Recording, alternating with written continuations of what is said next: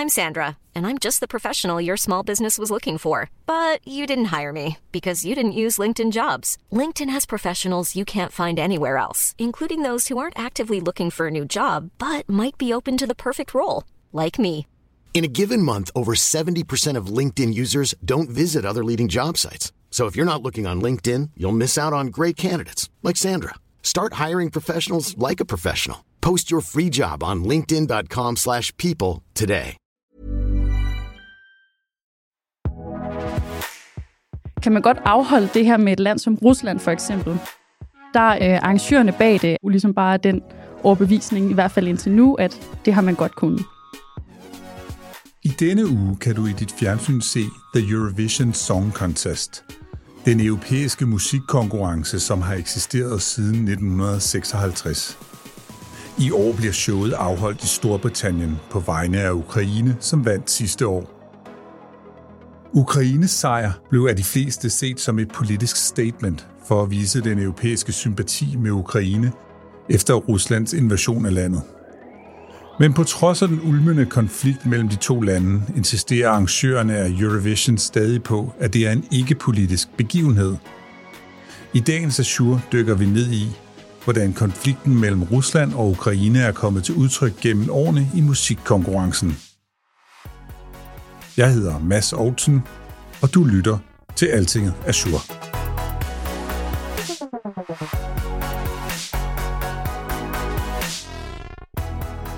Jeg hedder Maja Sofie Simonsen. Jeg er podcastassistent her hos Altinget, hvor jeg klipper nogle af vores mange podcasts. Og så er jeg i gang med en kandidat i film- og medievidenskab på Københavns Universitet, hvor jeg lige nu skriver speciale med fokus på de politiske konflikter, der er i Eurovision Song Contest, med særligt fokus på Ukraine og Rusland.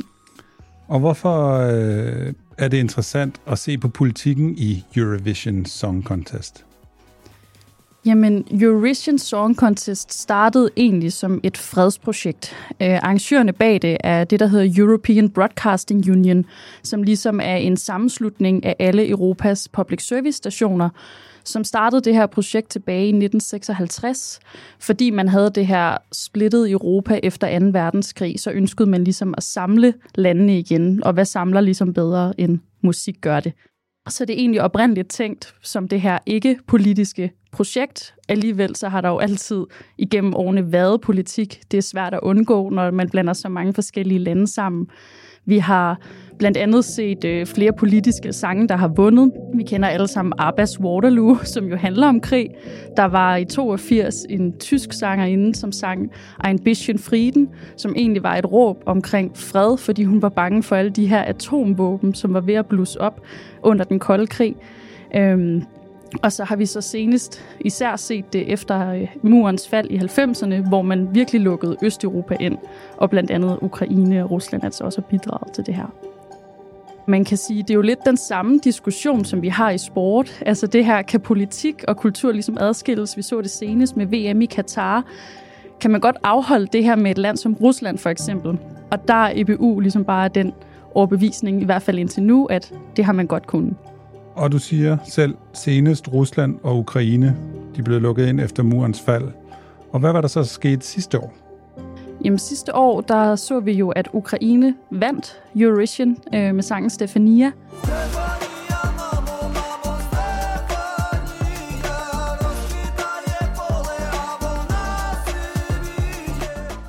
Og de slog faktisk rekord i flest seerstemmer nogensinde, øh, hvilket virkelig blev set som en form for sympatisejr for Ukraine, grundet krigen, som jo blussede ud sidste år. Det her show blev kun afholdt få måneder efter. Ja, fordi hvordan, hvordan vinder man? Jamen, øh, pointsystemet fungerer sådan, at i finalen er 50% af stemmerne jury-stemmer, og 50% af seerstemmer. Det vil sige, at hvert land stemmer altså på deres favorit, og så deres top 10 bliver lagt sammen og bliver uddelt som point for hvert land. Og så er der så en jury, som er musikeksperter for hvert land, som også deler de her point ud. Our 12 points go to Ukraine. Ukraine, 12 points. Først så er det sådan, at man præsenterer jurypointene. Her der fik Ukraine en fjerdeplads øh, blandt juryen, Og deres favorit var så Storbritannien, som så, da seerstemmerne blev lagt oveni, ind på en anden plads, og Ukraine vandt. Og den her jury er så med til ligesom at sikre det her musikalske fokus, fordi hele ideen for European Broadcasting Union med Eurovision-projektet er jo netop at holde politik udenfor. Så juryen er egentlig tænkt som en idé for ligesom at sikre, at der er nogle musikeksperter indenover, så det ikke bare bliver politik og hurlumhej og fest og farver det hele. Så nu spørger jeg bare lige helt sådan, øh, hvad min egen erfaring med Eurovision er. Men er det ikke sådan, at Danmark altid giver nogle specielle point til Sverige, og de altid giver pointene tilbage? Jo, der er helt klart vildt meget blokpolitik i øh, altså måden, man stemmer på. Øh, man kan sige, at Sverige har det ikke så meget med faktisk at stemme på Danmark, men vi vil gerne, i Danmark gerne stemme på Sverige og Norge, og tit også Tyskland. Øh, det er det samme, man har set faktisk i mange år, at Tyrkiet og Kyberen stemte ikke på hinanden i den periode. De ligesom havde en konflikt, der nu stemmer de så på hinanden igen. Ligesom vi har kunne se med Ukraine og Rusland, som traditionelt har stemt på hinanden, fordi de jo har været nabolande lige indtil den her annektering af Krim i 2014, så skete der ligesom noget med, med stemmetallene. Men sidste år, der vandt Ukraine, fordi de fik, som jeg lige forstår det, fordi de fik rigtig mange seerstemmer. Men det jo så ikke kun derfor, de blev alligevel nummer 4 i juryen, så det må også, altså var det en sympatisejr? det er jo svært at sige, for man kan sige, man kan jo ikke kun vurdere ud fra, om det er politik, for det kan jo også være, der har helt sikkert siddet nogle seere, som synes, det er en rigtig, rigtig god sang. Men hvis man ser på, øh, der er jo alle mulige bookmaker, der ligesom laver nogle odds forud for et show og prøver at forudsige en vinder. Og der kunne man se cirka tre måneder op til Eurovision, der lå Ukraine på 80 procent, før man overhovedet ligesom havde fundet alle de andre sange. Det betyder, at de har 80 procent chance for at vinde ud af alle deltagerlandene. Så man kan sige, bookmakernes vurdering var i hvert fald, at uanset hvilken sang Ukraine var stillet op med, så havde de nok endt med at vinde.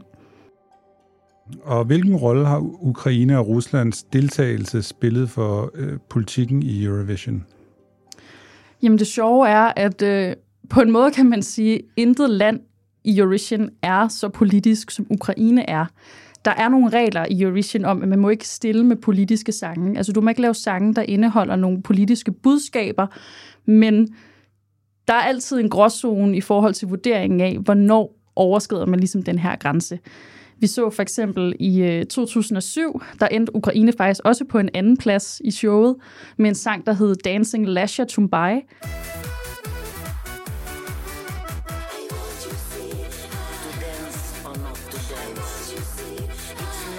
Og øh, her var der mange, der mente, at det her omkvæd, som egentlig er nonsens, øh, lyder meget som om de synger Russia Goodbye.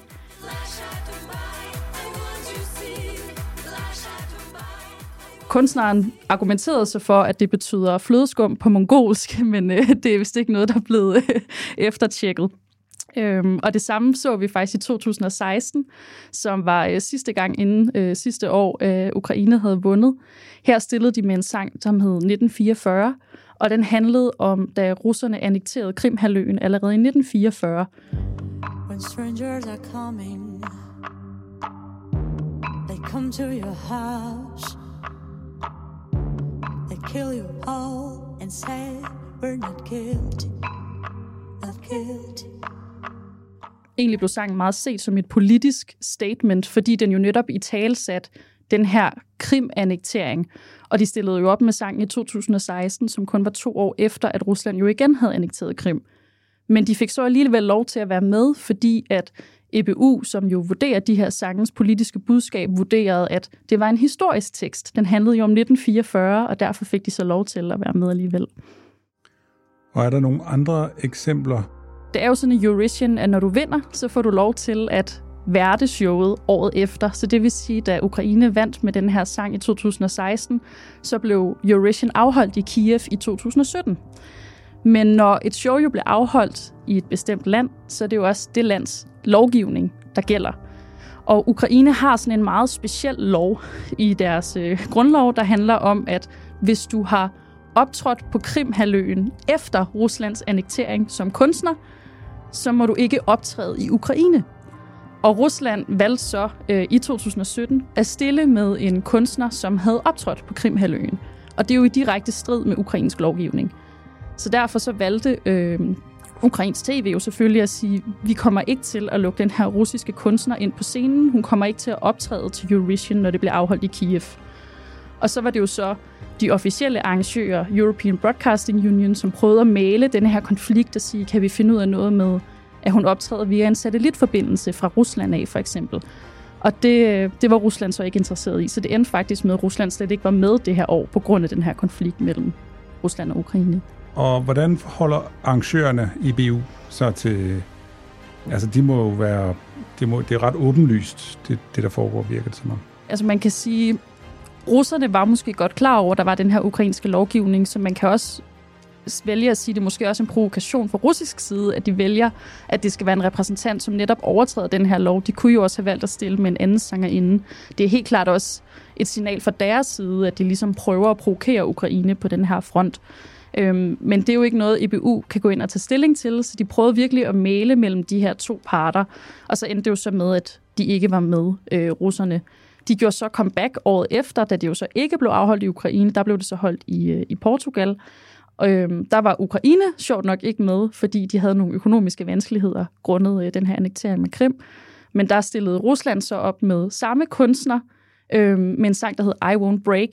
Og den blev set meget som et propagandaforsøg, både fordi hende her sangerinde, hun sad i kørestol, så det var lidt et forsøg på måske at få nogle sympatistemmer, men også fordi den her I Won't Break sang blev set lidt som et statement omkring, at Rusland er altså ikke til at knække, selvom at de ikke var med sidste år alle deltagerlande i Eurovision ved godt, at man ikke må stille med et politisk sang. Så når man alligevel gør det, så må det jo se som en eller anden form for provokation af reglerne. Men EBU anerkender det bare ikke. EBU har en eller anden idé om, at det her projekt, det har jo eksisteret i over 60 år nu, øh, siden det blev skabt i 56, og hele, hele den her årrække, det har eksisteret, har visionen jo været, at det skal være ikke politisk. Så jeg tror, at de ligesom vender det blinde øje til og siger, jamen det er ikke politisk, og det er ikke fordi kunstnerne har en eller anden idé om, at det skal være politisk. Samtidig er man jo også nødt til at sige, at det er jo en musikkonkurrence. Så EBU er jo også nødt til at forholde sig til de sange, der bliver optrådt med, og kan ikke rigtig koble det op med det lands politik. At Rusland stiller med en propagandasang, det kan man godt vurdere, men samtidig det er jo ikke Putin, der står på scenen og synger en sang. Det er jo en russisk sangerinde, der kommer med en sang, så det er man jo også nødt til at have en mente, og det er i hvert fald det, EBU's fokus prøver at være. Og hvad er status lige nu mellem Rusland og Ukraine i Eurovision?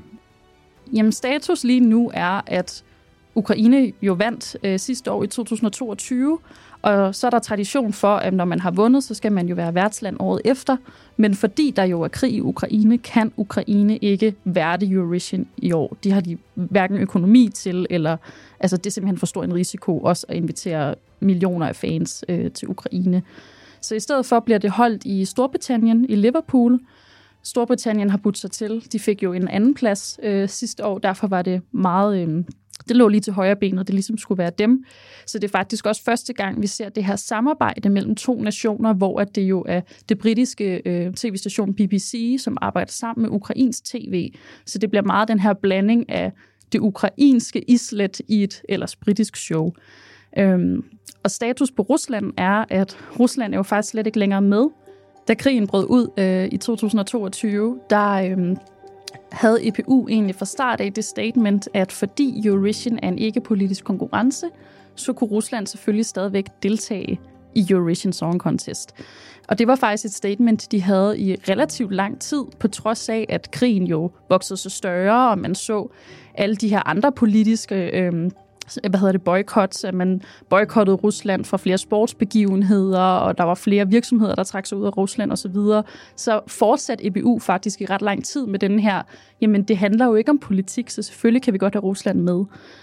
Der skete så det, at danske Danmarks Radio sammen med øh, svenske SVT og norske NRK, og vist også nok det finske TV, de faktisk slog sig sammen og ligesom lagde et pres på EBU om, at hvis ikke I boykotter Rusland for den her konkurrence, så kommer vi ikke til at være med. Og det var faktisk først, da der kom det her pres fra Norden af, at EBU ligesom tog stilling til, okay, så må vi lukke Rusland ude.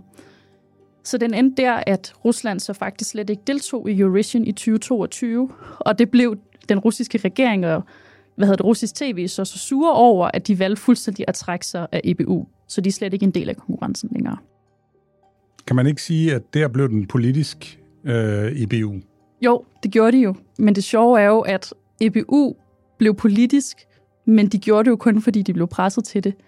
Altså, det er interessant at se, at vi har sådan en stor sammenslutning af altså en, en ret magtfuld organisation, som egentlig står for rigtig meget tv i hele Europa, som ikke anerkender, at der er en krig mellem Rusland og Ukraine, at der har været direkte angreb fra russisk side, og bare siger, jamen, vi kan godt vende det blinde nøje til. Selvfølgelig kan Rusland godt komme og optræde på sidelinjen ved siden af Ukraine.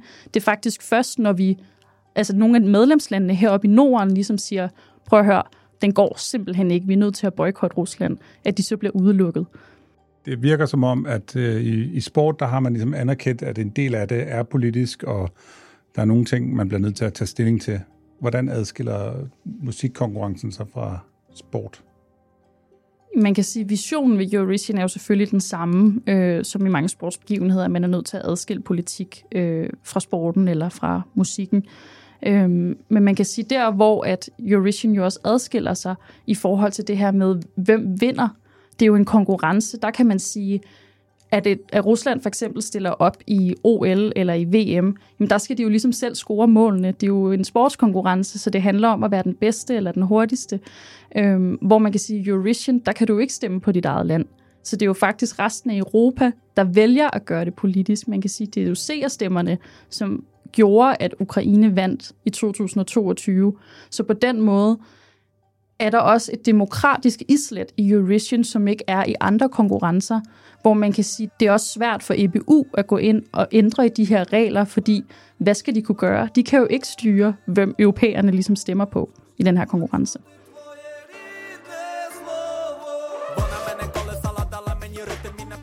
Det var alt, hvad vi havde til dig i Altinget Azure i dag. Finalen i Eurovision Song Contest 2023 løber af stablen den 13. maj og kan ses på DR. Mit navn er Mads Aarhusen.